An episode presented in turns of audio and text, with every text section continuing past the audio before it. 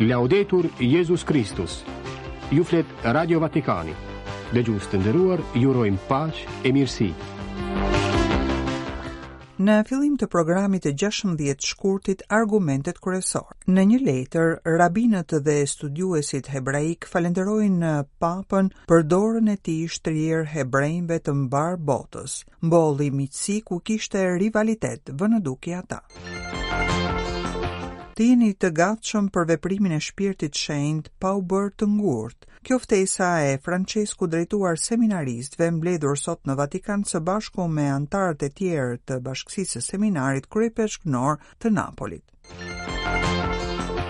Vëzhguesi i përhershëm i Selisë së Shenjtë në Kombet e Bashkuara foli të martën në New York në sesionin e 62 të komisionit që punon për zbatimin e agjendës 2030. Mbrojtja e familjes, nënvizoi ai, është themelore për të garantuar zhvillimin shoqëror. 15 organizata ndërkombëtare kërkojnë që uria të mos përdoret si armë lufte në Gaza. Ato bëjnë thirrje për armëpushim të menjëhershëm dhe të përhershëm dhe për shtimin masiv të ndihmës humanitare. Përkujtojmë sot atë Anton Xanonin, jezuit, në përvjetorin e vdekjes në Shkodër më 15 shkurt 1915. Ndërkaq më 16 shkurt, pra sot, kalendari kujton Shën Julian e Nikomedisë martire. Shën Julia nuk hoqi dorë nga feja e saj, për këtë arsye iu pre koka në kohën e Masimianit. Një përshëndetje të përzemërt nga redaksia e Gjuhës Shqipe, në studio Don David Xhuxha, Katrina Nushi e Klaudia Bumçi. Nga aktiviteti i Papës dhe i Vatikanit.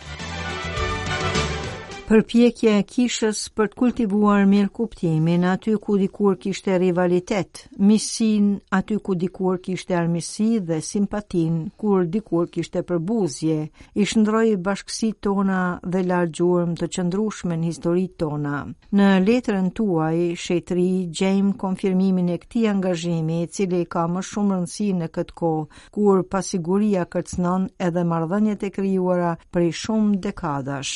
Ky fragmenti kryesor i një letre e dërguar Papës Françesku nga disa rabinë dhe studiues të dialogut hebraiko-kristian nënshkruar nga rabinët Jehoschua Ahrens, Yitz Greenberg, David Meyer, si dhe Karma Ben Johanan e Malka Zeiger Simkovich. I njëjti grup i pati shkruar Atit të Shenjtë nëntorin e kaluar për t'i kërkuar përtritjen e afërsisë hebrenjve me të krishterët pas masakrës së 7 tetorit dhe ringjalljes së antisemitizmit dhe antijudaizmit në vise të ndryshme të botës. Papa Françesku iu përgjigj më dy shkurt me letrën drejtuar vëllezërve dhe motrave hebrenj të Izraelit, duke i siguruar për solidaritetin e gjithë kishës me popullin hebre dhe në të njëjtën kohë bëri thirrje për paqtimin e shpejtë të popujve të çdo etnie e konfesioni fetar që banojnë në Tokën Shenjte. Dje mbërriti ky tekst i ri i studiuesve hebrenj që vlerëson lart fjalët e papës. Na ngushëllon fakti që ju ua zgjatët dorën hebrejve në të gjithë botën. e veçanërisht atyre të Izraelit në këtë çast vuajtjeje të madhe, shkruajnë ata duke vlerësuar edhe angazhimin për t'u kundërvënë në mënyrë aktive antisemitizmit dhe antijudaizmit, që kohët e fundit ka marrë përmasa të panjohura nga shumica prej nesh gjatë gjithë jetës sonë. Fjalët që vijnë nga zemra hyjnë në zemër, shkruajnë ata me mirënjohje, duke e cituar rabinin Moshe ibn Ezra. E vazhdojnë. Po jetojmë në një çast historik që kërkon këmbëngulje, shpresë dhe guxim. Fuqia shndërruese e Nostra Aetate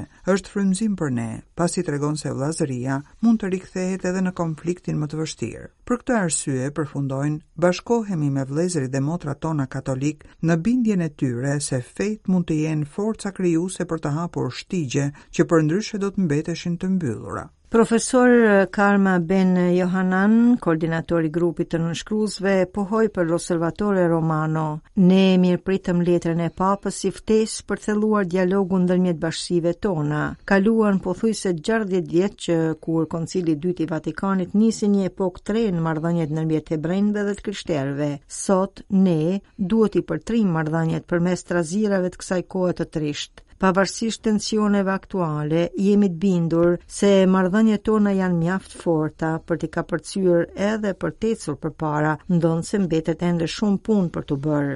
Letra përfundon duke kujtuar se dhimbja e banorëve të kësaj toke, qofshin hebrenj, të krishterë, myslimanë apo të tjerë, ndikon mbi jetën dhe të ardhmen tonë dhe ne bashkohemi me ju, Ati Shenjtë, në lutje për paqe, për fundin e terrorit, për shërimin e të plagosurve e për ngushëllimin e gjithë atyre që vuajnë e vajtojnë.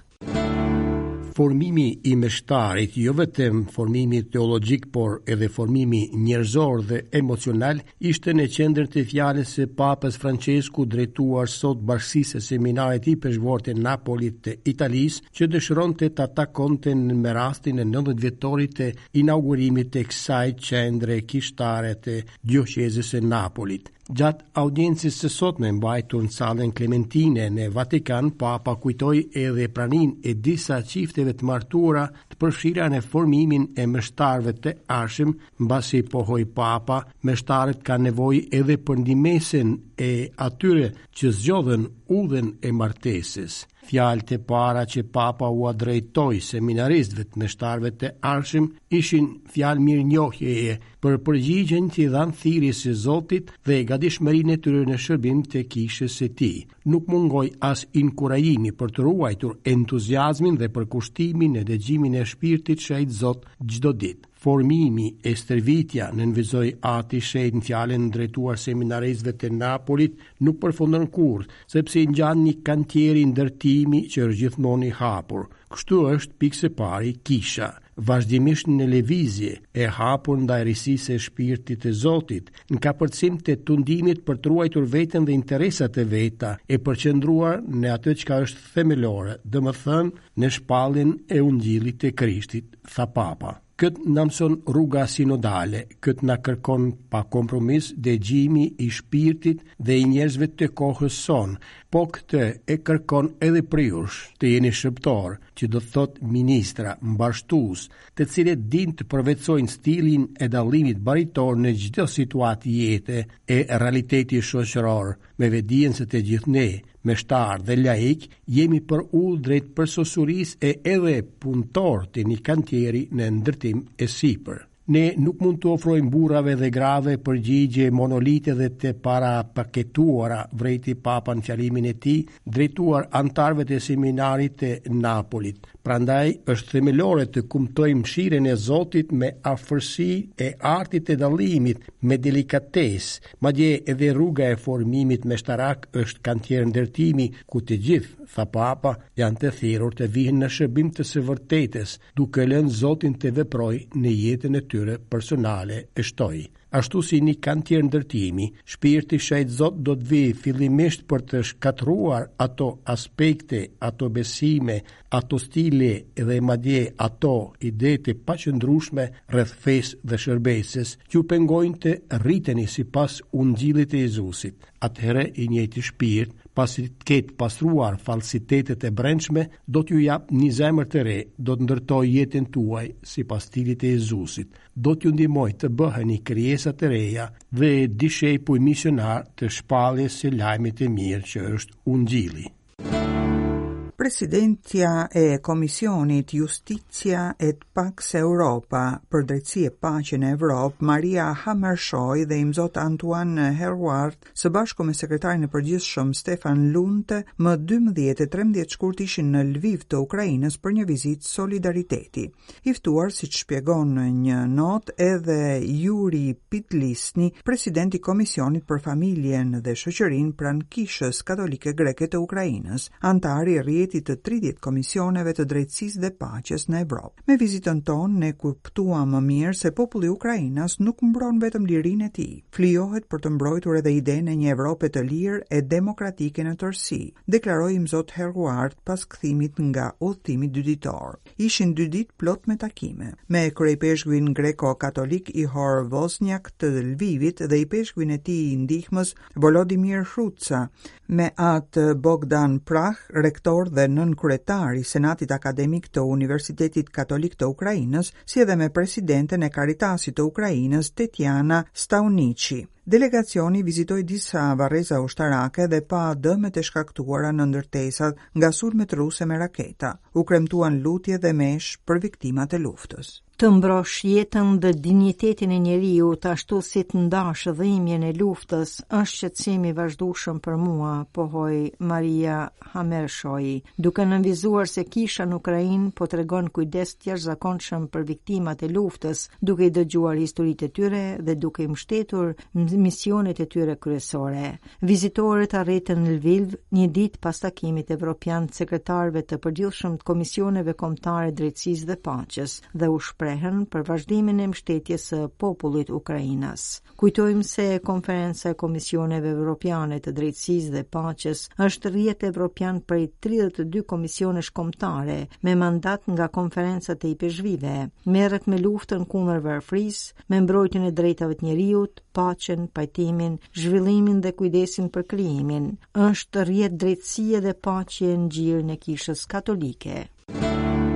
Për shumë njerëz, plotësimi i nevojave bazë mbetet luftë e përditshme. E nisi kështu fjalimin e tij imzot Gabriele Caccia në New York në sesionin e 62 të Komisionit të OKB-së për Zhvillimin Shoqëror, detyra e të cilit është të mbështesë politikat që shpejtojnë zbatimin e agjendës 2030 për zhvillimin e qëndrueshëm dhe arritjen e objektivit të çrrënjosjes së varfërisë. Në fjalën e tij edhe rëndësia e familjes qëndrore për zhvillimin shoqëror, jo dytësore e aq më pak e dëmshme. Vëzhguesi i përhershëm i Selisë së Shenjtë në Kombet e Bashkuara theksoi detyrimin e veçantë të organizatës ndaj të varfërve dhe njerëzve në gjendje të vështirë, duke vënë në pah se për të zbutur pasojat e varfërisë, duhet ndërhyrë fillimisht në shkaqet e saj rrënjësore. Imzot Kaça përmendi disa rrugë për përmirësimin e mbrojtjes shoqërore, si për shembull, përmirësimin e sistemeve të pensioneve, pastaj arsimimin për të gjithë, që për Papën Françesku, kujtoi ai, është mjeti kryesor i zhvillimit të gjithanshëm njerëzor, sepse i bën individët të lirë dhe të përgjegjshëm. Kusht themelor për zhvillimin është edhe puna e denjë me pagesë të drejtë për të gjithë. në kushte dinjitoze dhe të sigurta, duke u dhënë mundësinë punonjësve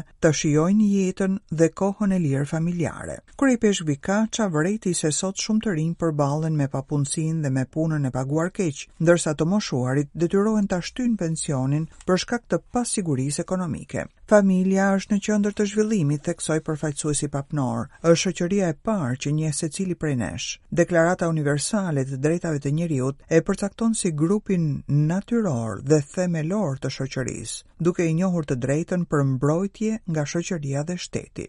Por kjo nuk ndodh gjithmonë. Me rastin e 30 vjetorit të vitit ndërkombëtar të familjes, denoncoi prelati, delegacioni im është thellësisht i shqetësuar për faktin se familja nënçmohet ose denigrohet gjithnjë më shumë në forumet ndërkombëtare. Ajo nuk është diçka dytësore, aq më pak e dëmshme. Imzot Kaça citoi Papën Françesku, sipas të cilit familja është shkollë humanizmi, vendi i parë ku jetohen dhe transmetohen vlerat e dashurisë dhe të vëllazërimit, të bashkimit, të vëmendjes dhe të kujdesit për të tjerët. Për këtë arsye, përfundoi vëzhguesi i Selisë së Shenjtë, politikat sociale duhet ta mbështesin familjen në rolin e saj thelbësor në arritjen e drejtësisë dhe të zhvillimit shoqëror.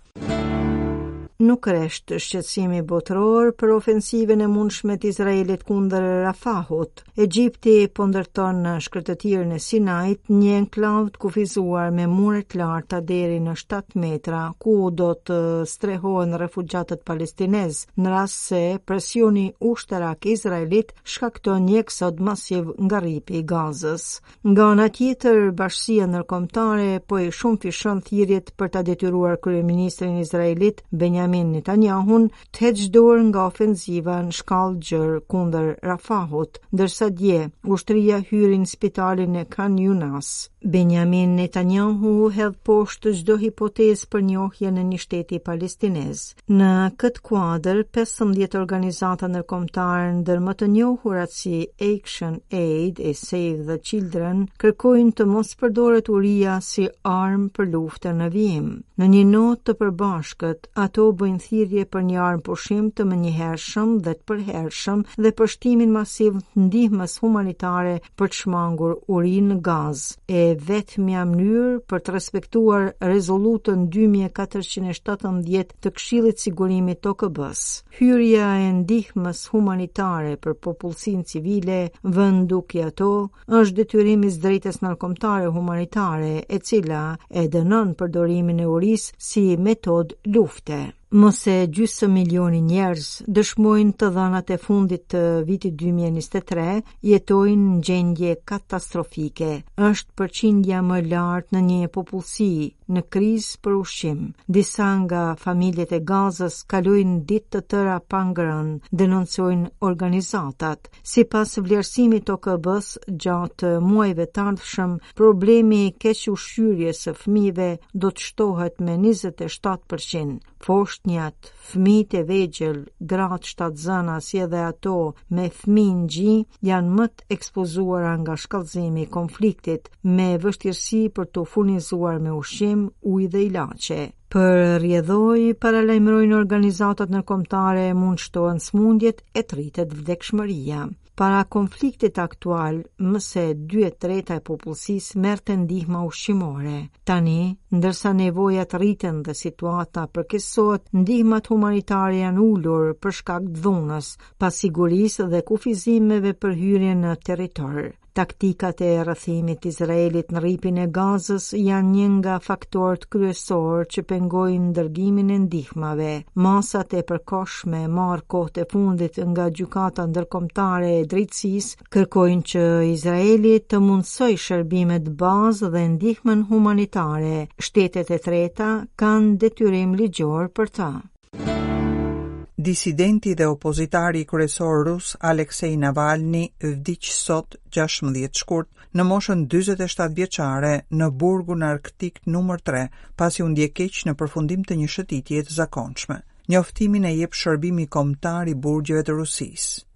Bota humbi një luftëtar, guximi i të cilit do të kujtohet me breza. Këto janë fjalët e kryetares së Parlamentit Evropian, Roberta Metsola, pasi mësoi për vdekjen e Alexei Navalnit. Lajmi ndërkaq u përhap me shpejtësi në gjithë botën. Sipas televizionit shtetëror, kundërshtari kryesor i presidentit Vladimir Putin vdiq nga embolia. Ai u mbajt për një kohë të gjatë pa një proces të drejtë në burgjet e regjimit rus. Ndihem tmerrësisht keq, pohon Metsola, për vdekjen e fituesit të çmimit Sakharov.